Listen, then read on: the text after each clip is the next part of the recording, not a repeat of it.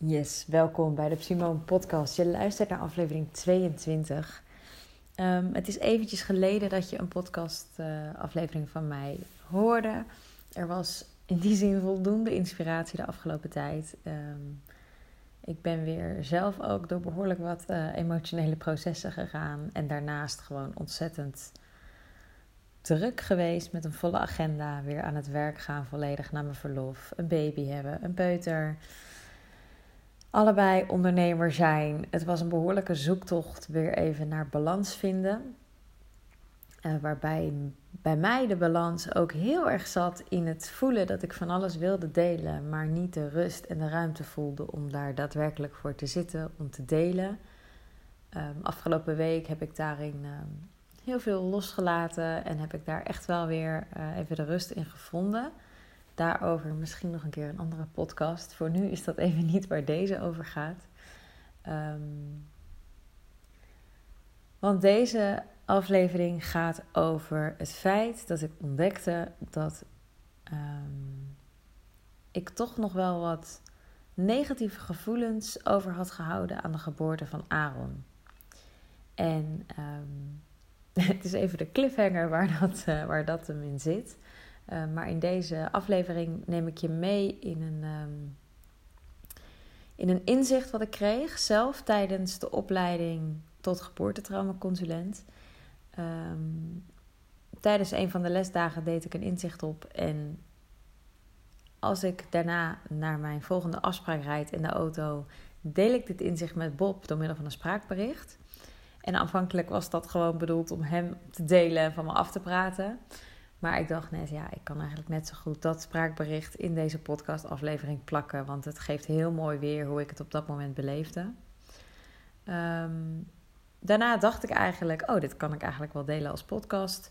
Maar ik voelde ook dat ik zelf nog midden in het proces zat. En dat er nog wat stukjes bij zouden komen. In ieder geval voor mezelf om het af te ronden. Dat voelde ik dat nodig was.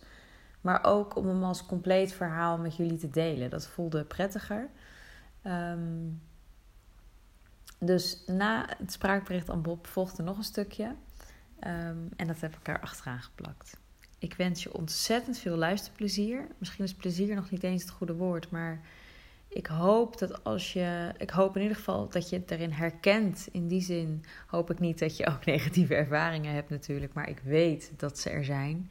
Ik weet dat er ontzettend veel moeders zijn die, als ze terugdenken aan de geboorte van hun kind, of het nou heel veel is of maar een klein beetje uh, maar toch een negatief stukje voelen, wat eigenlijk vaak wordt weggerationaliseerd. Um, en ik heb daar zelf dus ook aan meegedaan.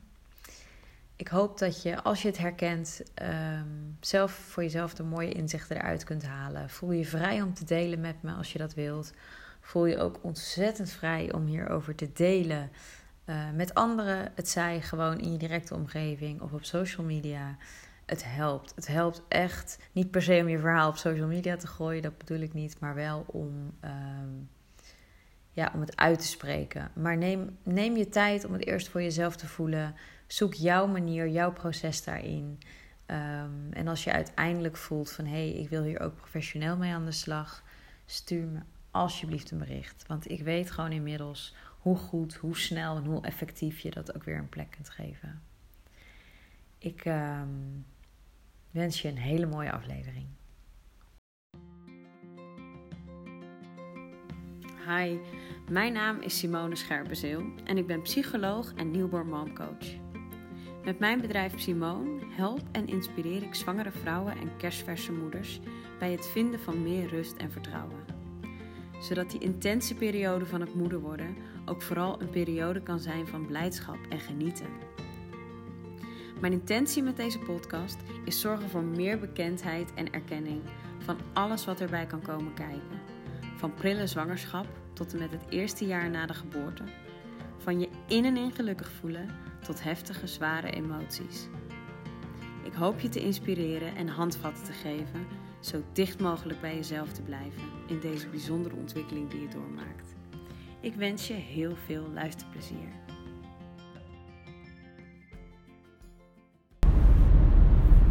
Hey liefje. Zo, ik zit in de auto van uh, Arnhem naar Amsterdam. Lekker dagje wel. Maar gaat echt super goed, gelukkig. Het was echt super fijn dat ik vanochtend even in bad ging. Want dat was echt wel uh, een soort kickstart. Maar anyway, wat ik appte was echt... Het was zo mooi. We hadden het um, uh, in de les over um, dat trauma natuurlijk heel snel als iets heel groots wordt gezien. En het is natuurlijk ook groot, maar dat heel veel vrouwen, moeders daarom ja, het ook moeilijk kunnen herkennen slash erkennen. En um, dat het helemaal niet gaat over um, uh, wat de DSM, zeg maar, de diagnostiek erover zegt. Of dat je heel geen herbelevingen hebt of dat soort dingen. Maar dat het vooral heel belangrijk is dat je vanuit je moedergevoel voelt dat er iets nog niet klopt. En soms is dat natuurlijk heel sterk en voel je aan alles, uh, er is van alles aan de hand. En soms kan je voelen, ja, maar er zit nog iets. Nou, zo was er één, uh, één dame uit de groep die dus deelde van, ja, door het lezen van het boek, door het lezen van de literatuur, uh, vraag ik mezelf af of ik zelf niet ook gewoon nog een, een, een trauma heb overgehouden van de geboorte. En toen ging ze vertellen. En ehm, ineens moest ik zo aan, aan de geboorte van Aaron denken. Want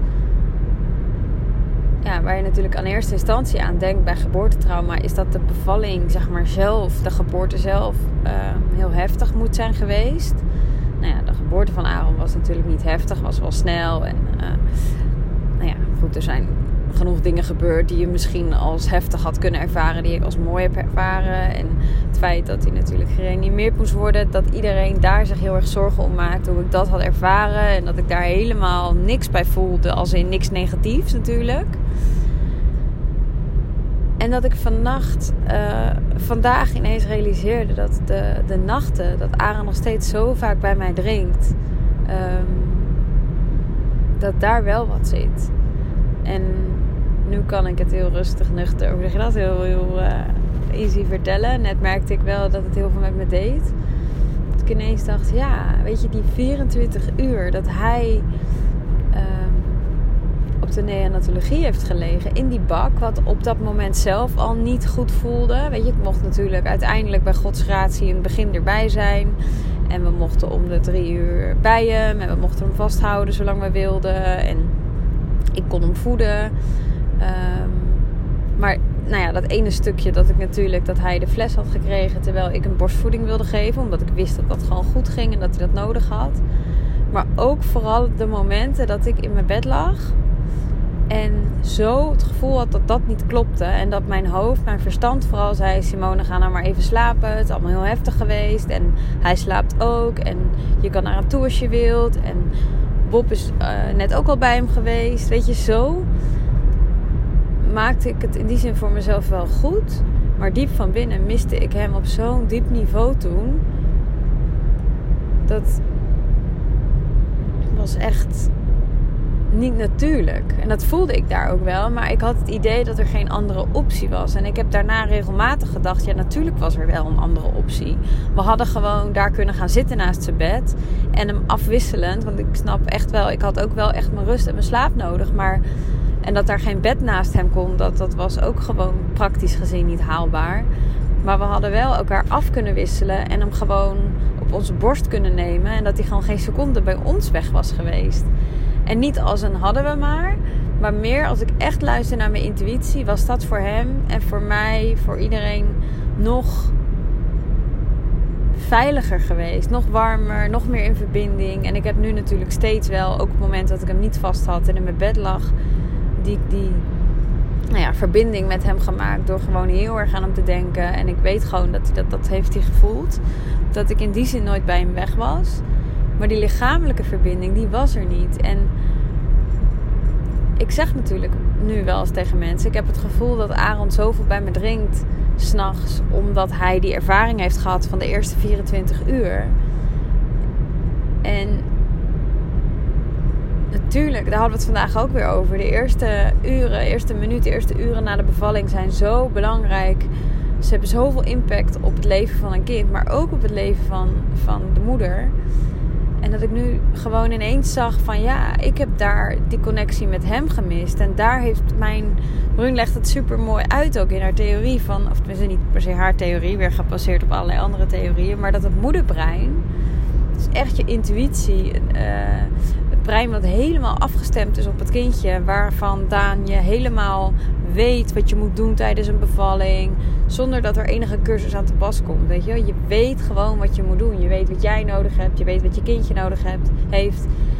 En wanneer je daar gehoor aan kan geven, kan dat moederbrein gewoon alle programma's afdraaien die nodig zijn. En op het moment dat er iets gebeurt, ook maar iets dat moederbrein verstoort, omdat je niet mag handelen naar wat je eigenlijk intuïtief voelt, uh, weet ik veel. Dat er wordt gezegd, je moet nu persen terwijl je het niet voelt of andersom. Of, um, nou ja, in dit geval, je kunt niet bij je kindje zijn, want hij ligt nu eenmaal op de neonatologie. Um, nou ja, dat is ons nou niet eens letterlijk gezegd natuurlijk. We hadden daar best, als we het hadden uh, gevraagd, non-stop bij kunnen zitten. Um, maar het is een soort aanname en algemene ja, houding die er is. Van er wordt hier voor hem gezorgd, ga maar lekker slapen. Dat klopte niet in mijn moederbrein. En als ik daar nu aan terugdenk, denk ik dat stukje zou ik zelf niet beschrijven als traumatisch. Maar als je dan weer kijkt naar de definitie van trauma vanuit dit perspectief, dan denk ik ja, daar is, dat is wel traumatisch geweest voor mijn moederbrein. En ik ben nu ook weer zo dankbaar dat ik dat heb meegemaakt. En dat ik nu dit inzicht ook weer krijg. Omdat ik denk, dit is weer zo'n gaaf voorbeeld. Wat ik ook weer kan delen met andere moeders. Om ze te helpen inzien dat. Weet je, het is niet dat je helemaal niet meer kan functioneren of zo. Dat dat pas een reden is om te spreken van een trauma. Soms natuurlijk wel. En dan is het super evident. Maar ik denk dat er zoveel moeders zijn die iets hebben meegemaakt tijdens de geboorte van hun kind. Waardoor een stukje van dat moederprogramma niet goed heeft kunnen afdraaien. En nou ja, op lange termijn of korte termijn dingen veroorzaakt waar ze tegenaan lopen. En zelf lang niet altijd dat verband leggen met de geboorte. Maar waarbij, nou, ik had dit verband in die zin ook nog niet zo diep gelegd dat het in mij zat. Ik dacht, nou, Aaron mist daar nog een stukje. Die, heeft, die weet dat niet meer expliciet, maar die heeft in zijn herinnering nog wel die behoefte om s'nachts um, ja, bij me te zijn. Maar nu denk ik, ja, het is ook mijn behoefte eh, naar hem toe. En het mooie van deze therapie is dat je niet gaat herbeleven of moet op. Ja, hoe zeg je dat? In EMDR moet je bijvoorbeeld heel erg herbeleven wat, wat er is gebeurd, net zolang totdat de spanning eraf is. En in deze behandeling ga je juist andersom. En je gaat juist kijken van hé, hey, hoe had je gewild dat het ging? Dat ga je helemaal verbeelden en visualiseren. Want op, op breinniveau maakt het niet uit of iets echt gebeurt of dat je het visualiseert. En doordat je helemaal gaat visualiseren hoe het volgens jouw moederbrein had moeten gaan, um, gaan die processen ook weer op een gezonde manier functioneren. En terwijl ik dit zeg, merk ik alweer dat ik denk, huh, maar wat is er dan ongezond nu in mijn situatie? Maar dan denk ik, ja, ik blijf er wel tegenaan lopen. En het niet zo goed kunnen begrijpen dat alles bij Aaron zo lekker gaat. Maar dat hij s'nachts nog zo vaak wil drinken. En vanmorgen voelde ik dus ineens het antwoord. Ik heb daarin een stukje nog te herstellen. En ik voel gewoon dat ik dat zelf kan. Dat ik zelf bijvoorbeeld door een meditatie, uh, door echt even de ruimte en de stilte voor mezelf te creëren, terug te gaan naar dat moment. En me gewoon helemaal te gaan voorstellen, te gaan inbeelden, te gaan visualiseren. Um, dat ik wel bij hem ben die hele nacht. Of, of afgewisseld. Weet je, dat wij afwisselend bij hem zijn ik voel gewoon dat dat zoveel weer verandert in, in die diepere laag bij mij. Dat ik er heilig van overtuigd ben dat daarna Aaron s'nachts ook beter zal gaan doorslapen. Dat is echt bizar, maar dat voel ik zo sterk. Dus ik kan niet wachten om dat ook te gaan doen. En ik wil daar natuurlijk even. Ik denk echt wel dat door dit inzicht al een stukje daarin is. Uh, nou, weer heel is gemaakt, zeg maar. Maar ik voel ook wel dat ik daar nog even de tijd voor mag nemen. En dat ik dan daarna, ik denk dat ik er gewoon een podcast over op ga nemen. Ook weer om het gewoon te delen. Om gewoon. Er poppen nu ook zoveel vrouwen in mijn hoofd op die. Waarvan ik denk, ja, nou ja, jij had inderdaad best een heftige geboorte. Dat heb je aan me beschreven. Uh, maar zien het dan zelf niet als traumatisch. Um, omdat het toch ook wel weer meeviel. Of omdat uiteindelijk iedereen was gezond. Of de omgeving zei van nou ja, fijn dat alles weer goed is. En vanuit een soort uh, niet aanstellen maar doorgaan modus is het allemaal oké. En ik denk dat het heel erg nog aan kennis ontbreekt over wat de impact daarvan is. Maar moeders die gewoon nog heel veel energielek ervaren of um, veel borstvoedingsproblemen hebben toch wel problemen hebben met de emoties van hun kind of een huilbaby hebben. Er zit zoveel in dat eerste stuk bij de geboorte. Ik denk, hoe tof zou het zijn als al die moeders dat voelen van, oh ja, ik mag dit erkennen en ik kan hier wat mee. Het is eigenlijk zo simpel te verhelpen. En met z'n allen blijven we ermee lopen. En ik mag nu zelf ook ervaren dat er bij mij ook een stukje zit. En ik ga ervaren hoe het is om dat op te lossen. En wat dan de positieve gevolgen daar weer van zijn. En dan denk ik echt, oh, ik vind het zo tof dat ik Prim ben tegengekomen. Dat ik toen haar dat appje heb gestuurd toen ik haar boek had gelezen. En dat we zo in contact zijn gekomen. Dat ik nu die opleiding mag doen. En straks de vervolgopleiding. En dat we die derde opleiding gaan ontwikkelen samen. Het is echt, alles komt zo samen. Gewoon de hele ervaring rondom ook de geboorte van Kiki. Ehm, dat ik daar wel heb ervaren hoe het is om juist wel, ondanks de minder positieve omstandigheden, wel heel gunstig in het ziekenhuis benaderd te worden. Dat ze daar bij mij op de kamer mocht liggen. Dat ik het nu bij Aaron juist andersom natuurlijk heb ervaren. Van wel thuis bevallen, maar daarna naar het ziekenhuis en even gescheiden zijn. Dat heeft echt zoveel impact. En ik voel dat dit zo'n grote betekenis kan zijn. Gewoon in op een huge level of zo. Echt als dit aangepakt wordt, als moeders hiermee aan de gang gaan en dit eigenlijk zo simpel oplossen, hoeveel kinderen zich dan ook weer veiliger gehecht voelen, hoeveel moeders zich uh, weer een fijnere moeder kunnen voelen, schuldgevoel kunnen loslaten, meer energie overhouden, weer gewoon naar hun werk kunnen omdat ze weer beter functioneren wat voor, nou wat voor kosten dat bespaart maatschappelijk, maar vooral wat voor ellende in emotie. Ik denk hoe vet dat, dat dit allemaal ontstaat. Nou ja, volgens mij is dit al een halve podcast wat ik nu naar jou stuur, maar ik wilde het gewoon heel graag met je delen. Ik hoop dat jij ook een lekker dagje hebt. En um, ik vertel er vanavond nog wel even verder over. Dag Lucie, doei doei. Zo, dat was mijn bericht aan Bob. Ehm, zoals je hoorde, ging ik helemaal op in wat ik had ervaren, wat ik, nou ja, wat ik er vervolgens over dacht. Eh, als ik dan weer vooruit kijk, ook naar de toekomst of naar andere vrouwen. Het is een heleboel wat het met mij doet. Ehm, wat ik daarna zelf voelde, ehm, was dat ik dit stukje bij mezelf kon helen. Ik dacht, ik ga in stilte, ik ga de stilte opzoeken, ik ga opnieuw beleven Ehm, wat er toen was gebeurd, maar dan in een vorm ehm, waarop ik had gewild dat het was gegaan. Dat is ook de kracht van de, van de behandeling. Maar dat moment, dat, dat diende zich niet aan. Ik kon de rust er niet voor vinden. En in plaats daarvan kwamen er een heleboel andere dingen voorbij. Ook wel emotionele thema's waar ik mee aan de slag was gegaan. Ehm, tot op vandaag, uh, zondag, of eigenlijk gisteravond, zaterdagavond. Ik was gisteravond heel Ehm, ik had heel veel behoefte om gewoon bij Bob te zijn. Dat hij me vasthield. Uh, ik voelde me verdrietig. Ik wist niet zo goed waarom. Maar ik voelde van dit moet er gewoon even zijn. Nou, vanochtend werden we wakker. En ehm, toen voelde ik heel sterk de behoefte om even alleen te zijn en te schrijven. Om het verhaal rondom dit stukje van Aaron op papier te zetten. Dus ik was naar boven gegaan. Ik had uh, hem in zijn bedje gelegd. En ineens kwam er kwamen er andere woorden omhoog. Dat, ehm, niet echt een gedicht, maar gewoon een heel ja, mooie woorden die ik ehm, zelf altijd graag wil horen, die ik aan mijn kinderen wil doorgeven. Die schreef ik op, die deelde ik op Instagram. En um, op het moment dat ik dat deelde, daar heb ik vervolgens ook weer een post aan gewijd, maar begon Aaron te huilen. En hij begon niet te huilen wat ik herken van dat hij een vieze broek had, of honger had, of moe was. Nee, het, was echt, het leek echt een soort verdriet. Het waren ook echt dikke tranen. Dus ik pakte hem bij me. Ik legde hem bij mij in bed. En ik legde hem aan mijn borst. En ik zei tegen hem: Huil maar. Huil maar, lieverd. En tegelijkertijd moest ik zelf ook zo hard huilen. En op een gegeven moment begon hij te drinken. En binnen no time was hij rustig en viel hij weer in slaap. En toen kon ik zo goed voelen dat dat het gevoel was wat ik ook die eerste 24 uur had willen ervaren. Dat was wat mijn moedergevoel ook zei in het ziekenhuis. Van je moet bij hem zijn. Je kindje dat net, net geboren is en dan ook nog eens al zoiets heftigs heeft meegemaakt als een reanimatie. Dat wil alleen maar bij zijn moeder zijn en die geborgenheid voelen.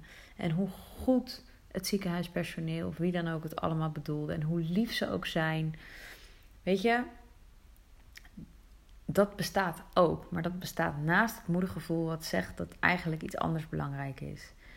En door de verhalen die ik hoor van moeders, door de opleiding die ik nu doe, wordt dat inzicht eigenlijk alleen maar groter. Hoeveel we wegstoppen, hoeveel we wegwuiven, hoeveel we plaatsen in het hoekje van ja, nee, ik ken wel een andere, een andere vrouw. Nou, die, die bevalling was echt traumatisch. Maar voor mij, nee, dit is niet zo groot.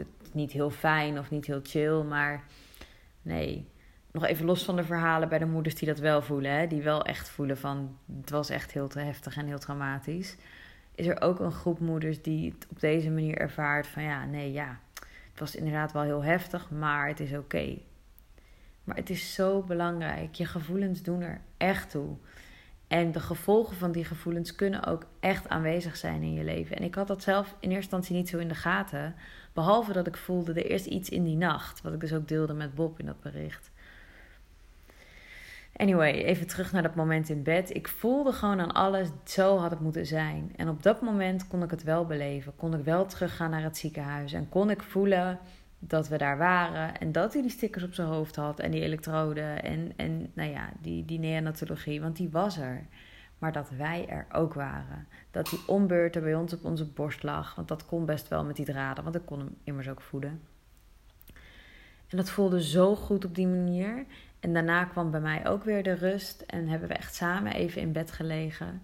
En toen voelde ik, ja, dit was nodig. Dit was nodig. Ineens kon ik erin berusten, voelde het alsof ik het losliet.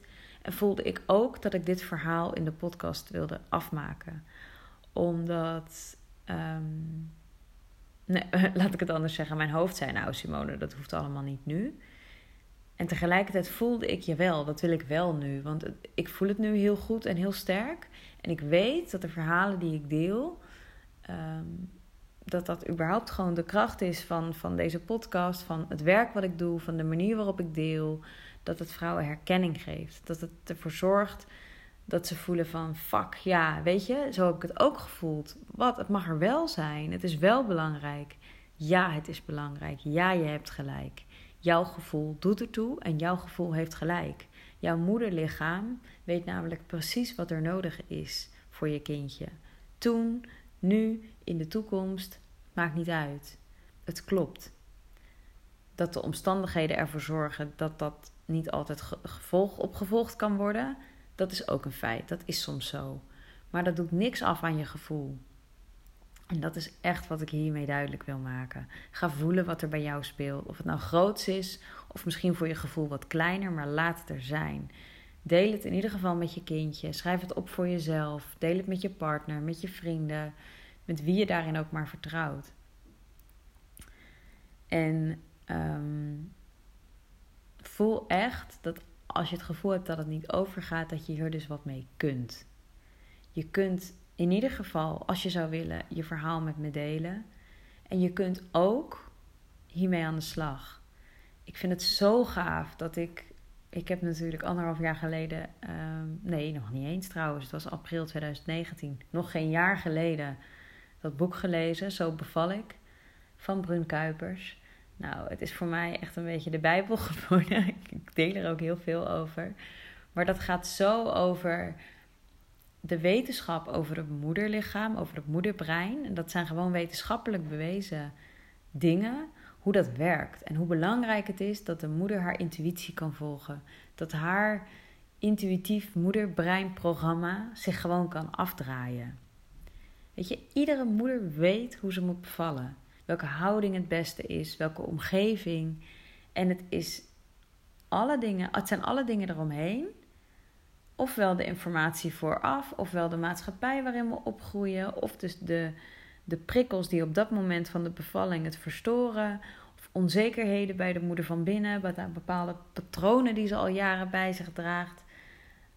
Er zijn heel veel dingen die die intuïtie kunnen verstoren. En dat is niemand zijn schuld. Er is geen goed of fout in. Maar het is wel hoe het is. Dat dan die intuïtie wordt verstoord en dat zo'n moederprogramma niet volledig kan afdraaien. Waardoor bijvoorbeeld, ehm, wanneer een moeder uit contact raakt met zichzelf door wat dan ook, uh, bepaalde hormonen niet kunnen niet, niet, niet komen, hun werk niet doen. Waardoor bijvoorbeeld de borstvoeding na een bevalling niet op gang komt. Waardoor de gehechtheid met het kindje moeilijk op gang komt. Of waardoor um, de moeder daarna compleet uit verbinding is met zichzelf of gedeeltelijk. Waardoor er weer heel veel nieuwe onzekerheden ontstaan. Of waardoor partner-issues ontstaan. Of waardoor, nou ja, als je weer gaat werken, je voelt: hé, hey, ik ben mezelf kwijt.